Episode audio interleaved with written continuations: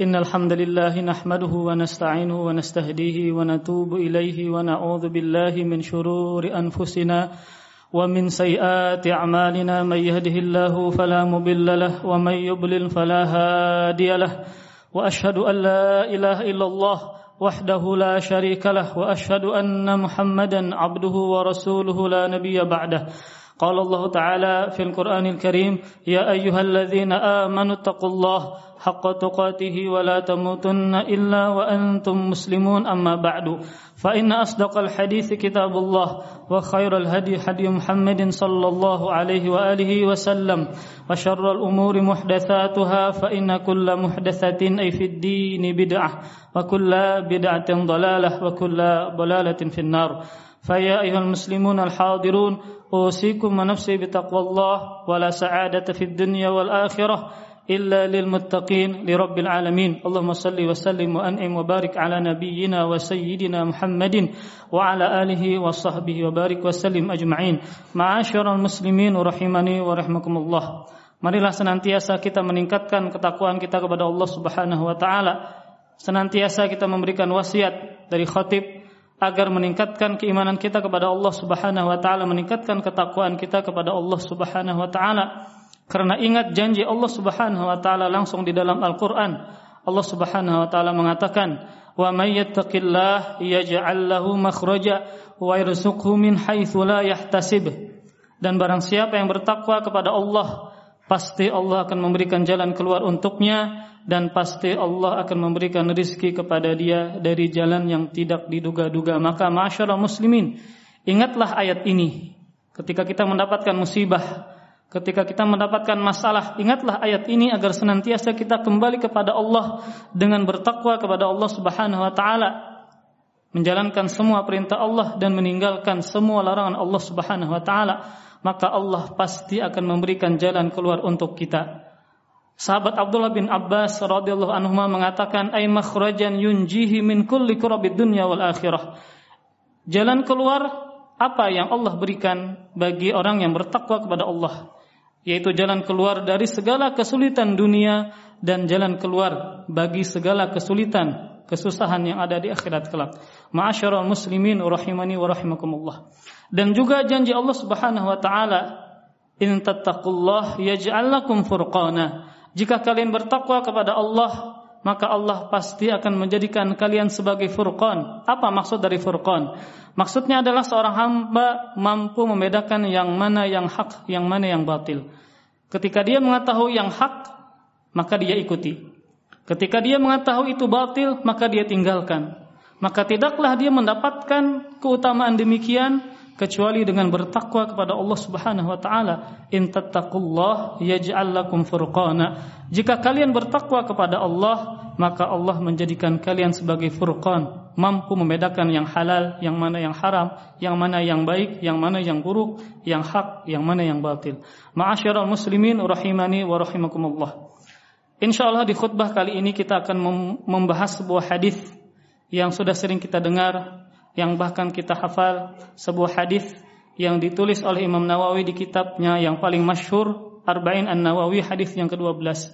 Rasulullah sallallahu alaihi wasallam bersabda, "Min husni islamil mar'i tarkuhu ma la ya'nihi." Di antara indahnya, bagusnya Islam seseorang, dia meninggalkan hal-hal yang tidak ada faidahnya. Hadis ini dinilai sahih oleh Syekh Al-Albani rahimallahu taala dan juga para imam banyak mengeluarkan hadis ini selain Imam Tirmidzi, Ibnu Majah, Al-Baghawi dan seterusnya. Maka hadis ini kata Al-Hafidz Ibnu Rajab mengatakan, hadis ini memiliki dasar yang agung bagi akhlak-akhlak. Kemudian Al-Hafidz Ibnu Salah menukilkan dari Al-Imam Abu Muhammad bin Abi Zaid, seorang imam dari madhab Malik, Maliki, beliau mengatakan, ada empat hadis yang berputar padanya kebaikan akhlak. Maka di antara empat hadis itu adalah hadis ini min husni islamil mar'i tarkuhu ma la ya'nihi di antara indahnya Islam seseorang di antara tanda indahnya Islam seseorang dia meninggalkan hal-hal yang tidak ada manfaatnya. Beliau katakan sebagai hadis yang di dalamnya terkandung banyak akhlak hadis ini. Kemudian apa pemahaman sebaliknya? Maka pemahaman sebaliknya di antara tanda buruknya Islam seseorang dia mengerjakan hal-hal yang tidak ada faidahnya. Maka ma'asyiral muslimin rahimani wa rahimakumullah.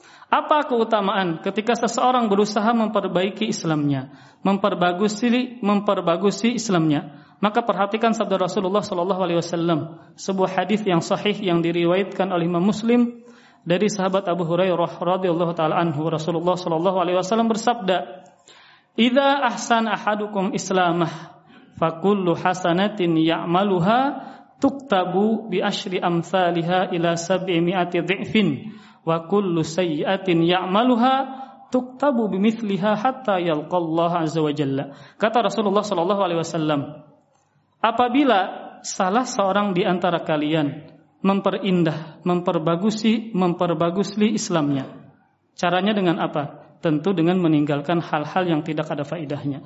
Maka kata Rasul, apabila salah seorang di antara kalian memperbaiki keislamannya, maka setiap satu kebaikan yang dia kerjakan, maka akan ditulis baginya 10 kali lipat bahkan sampai 700 kali lipat. Maka setiap satu keburukan yang dia kerjakan maka akan ditulis satu keburukan saja sampai dia bertemu dengan Allah Subhanahu wa taala. Maka tidak setiap muslim ketika dia sholat berjamaah bareng-bareng pahalanya sama. Ada yang sedikit, ada yang banyak, ada yang berlipat-lipat ganda sampai 700. Di antara hal yang melipat gandakan ibadah seorang muslim dia berusaha untuk memperbagusi Islamnya, untuk memperbaiki keislamannya dengan meninggalkan hal-hal yang tidak ada faidahnya.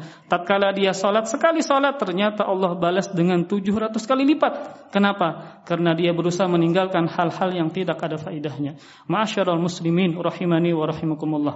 Banyak sekali perkataan para ulama yang berkaitan dengan hadis tadi, di antaranya seorang tabi'in yang masyhur Al-Imam Al-Hasan Al-Basri beliau mengatakan, "Min i'radillah ta'ala an mu'min an yaj'ala syughlahu fi ma la ya'nihi."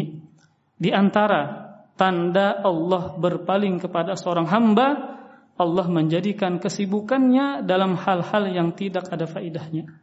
Maka tatkala seorang muslim disibukkan dengan hal-hal yang tidak ada faidahnya, itu menunjukkan Allah berpaling kepada dia. Maka pemahaman sebaliknya, ketika seorang hamba disibukkan dengan ibadah, disibukkan dengan hal-hal positif yang ada faidahnya, itu menunjukkan Allah perhatian kepada dirinya. Itu menunjukkan Allah mencintai dia dan tidak berpaling kepada hamba tersebut. Kenapa? Karena, karena waktunya dihabiskan untuk hal-hal yang sifatnya ibadah, sifatnya manfaat dan seterusnya. Ma'asyiral muslimin rahimani wa rahimakumullah. Perkataan kedua.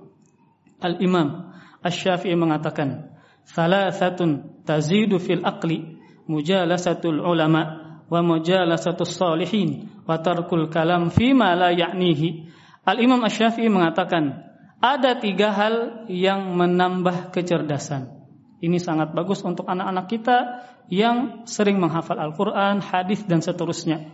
Dan juga bagi kita yang sudah tua yang terkadang sering lupa, sering kada ingat macam-macam. Maka ingatlah ada tiga hal yang memperkuat kecerdasan kita. Kata Imam Syafi'i yang pertama adalah mujalasatul ulama, suka duduk bersama para ulama. Karena ketika kita duduk dengan para ulama, tidaklah kita duduk kecuali kita duduk dengan ilmu, bermuamalah dengan ilmu. Kemudian yang kedua, mujalasatus solihin, duduk duduk bersama orang-orang soleh sehingga membuat kita suka beribadah kepada Allah Subhanahu wa taala, meninggalkan hal yang sia-sia. Kemudian yang ketiga, tarkul kalam fi ma la ya'ni, meninggalkan ucapan yang tidak ada faidahnya. Ini termasuk cara kita untuk mempertajam kecerdasan kita. Mau kita muda, mau kita tua, maka ingatlah tiga ini. Suka bergaul dengan para ulama, suka bergaul dengan orang-orang saleh dan meninggalkan ucapan yang tidak ada faidahnya. Ma'asyiral muslimin rahimani wa rahimakumullah. Ucapan yang berikutnya.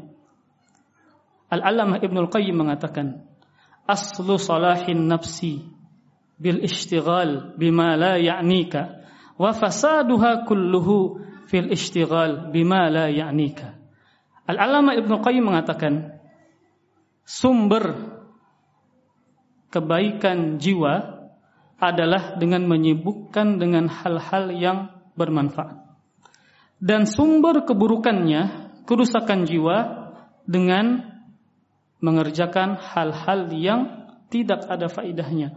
Kenapa demikian? Karena termasuk trik atau langkah syaitan menjerumuskan seseorang ke dalam kubung maksiat adalah iblis menyembuhkan dia dengan hal-hal yang tidak ada faidahnya sehingga tatkala dia disibukkan dengan hal-hal yang tidak ada faidahnya, dia meninggalkan hal-hal yang bermanfaat, maka lebih mudah untuk syaitan, untuk iblis menjerumuskan kita ke dalam perbuatan maksiat. Jadi semua perbuatan maksiat itu terkadang diawali dengan kita suka mengerjakan hal-hal yang tidak ada faidahnya. Maka masyarakat muslimin rahimani wa rahimakumullah, ingatlah perkataan Ibnu Qayyim ini bahwa sumber bagusnya jiwa kita, diri kita dengan menyibukkan hal-hal yang tidak ada faedahnya. Nah, ungkapan ini juga berkaitan dengan ungkapan yang lainnya. Ada seorang ahli bijak mengatakan bahwa ketika kita meninggalkan perbuatan atau ucapan yang tidak ada faedahnya yang sia-sia, itu adalah benteng untuk kita. Benteng dari segala keburukan, benteng dari segala yang dibenci oleh Allah Subhanahu wa taala. Kenapa demikian? Karena tatkala seseorang itu meninggalkan hal-hal yang tidak ada faidahnya, maka otomatis yang sifatnya maksiat dia lebih mampu untuk meninggalkan. Yang yang tidak ada faidahnya saja, yang sia-sia, yang bukan sifatnya maksiat dia mampu meninggalkan, maka terlebih perbuatan maksiat dia lebih mampu untuk meninggalkan.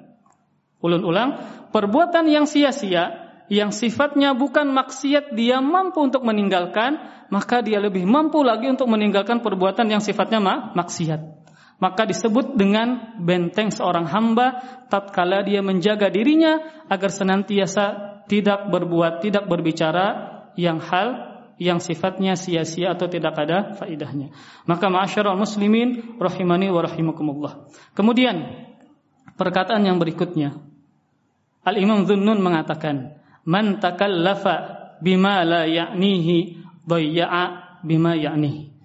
Barang siapa yang menyibukkan, yang bersusah payah mengerjakan hal sia-sia, otomatis pasti dia menyia-nyiakan hal-hal yang bermanfaat. Maka di antara perkataan Imam Syafi'i yang lain adalah tatkala seseorang itu menyibukkan dengan hal-hal yang sia-sia yang tidak ada faedahnya otomatis dia akan tersibukkan dengan hal-hal yang diharamkan oleh Allah Subhanahu wa taala. Maka ini termasuk hal yang sangat urgen bagi seorang muslim dia berusaha agar jangan sampai terjerumus ke dalam kubung maksiat yang pertama dia lakukan adalah meninggalkan perbuatan yang sia-sia, ucapan yang sia-sia. Ma'asyiral muslimin rahimani wa rahimakumullah. Kemudian anggota tubuh apa yang harus kita jaga dari perbuatan sia-sia. Semua anggota tubuh kita maka kita berusaha menjaga dari hal yang sia-sia. Mata kita tidak memandang hal yang sia-sia, telinga kita tidak mendengar perbuat ucapan yang sia-sia, tangan kita tidak mengerjakan perbuatan yang sia-sia, kaki kita dan semua anggota tubuh kita tidak mengerjakan perbuatan yang sia-sia. Terlebih adalah lisan kita. Yang paling kita jaga adalah lisan kita. Kenapa? Karena Rasulullah Shallallahu Alaihi Wasallam bersabda, Inna aktsara khataya bani Adam fi lisani. Sesungguhnya kebanyakan kesalahan, kebanyakan dosa manusia itu pada lisannya. Akibatnya apa? Banyak manusia masuk ke dalam neraka karena faktor lisannya. Sesuai dengan sabda Rasulullah sallallahu alaihi wasallam ketika beliau ditanya seseorang tentang banyaknya manusia masuk ke dalam surganya Allah Subhanahu wa taala. Maka Rasul menjawab dengan sebab bertakwa kepada Allah dan akhlak yang baik. Kemudian Rasul ditanya tentang banyaknya manusia masuk ke dalam neraka. Maka Rasul menjawab al-famu wal faraj dikarenakan karena faktor lisan dan kemaluan. Mudah-mudahan Allah Subhanahu wa taala senantiasa menjaga lisan kita dan mudah-mudahan Allah Subhanahu wa taala senantiasa memberikan kita taufik sehingga kita bisa mengerjakan hal-hal yang bermanfaat terlebih adalah ibadah kepada Allah Subhanahu wa taala. Amin ya rabbal alamin. Aqulu qawli hadza astaghfirullah li wa lakum wa li muslimin min kulli dhanbin fastaghfiruh innahu huwal ghafurur rahim.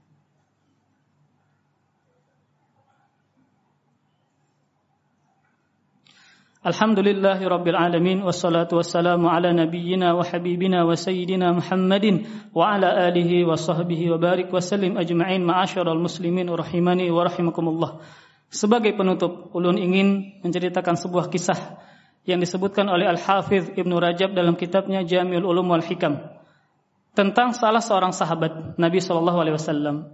Ketika itu beliau sakit dan banyak orang-orang menjenguk beliau. Ternyata ketika sahabat ini sakit, wajahnya bercahaya. Wajahnya putih, bersih, bercahaya. Kemudian beliau ditanya, kan biasanya ketika orang sakit itu wajahnya pucat, lesu. Ini enggak.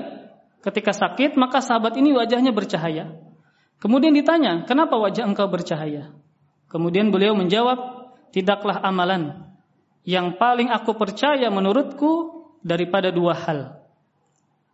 Yang pertama adalah kuntu la atakallam fi ma la ya'ni. Wajahku bercahaya karena saya tidaklah berbicara kecuali hal-hal yang ada manfaatnya.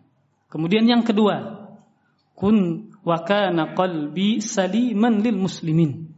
Hatiku selamat terhadap orang-orang Islam.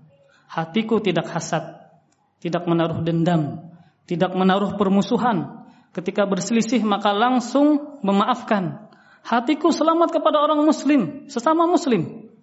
Sehingga Allah Subhanahu wa taala memberikan wajah seperti ini, hati yang bersih akan memancarkan di wajah yang bersih.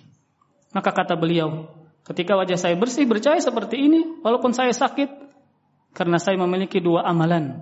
Yang pertama adalah beliau tidaklah berbicara kecuali hal-hal yang ada faidahnya. Kemudian yang kedua, hati beliau selamat dari penyakit hati kepada sesama muslim maka hilangkanlah di hati kita permusuhan, iri, dengki, dendam, perselisihan dan seterusnya agar kita mudah memaafkan kepada sesama muslimin.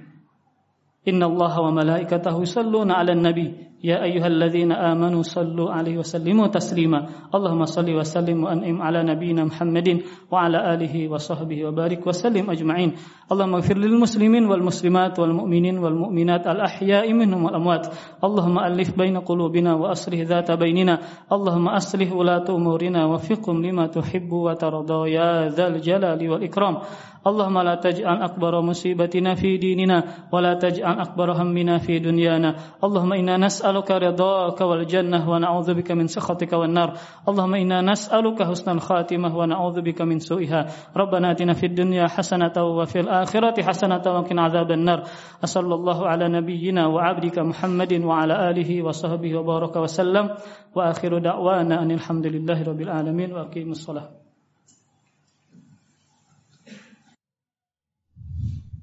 Terima kasih. Jazakumullah khairan wa barakallahu fikum.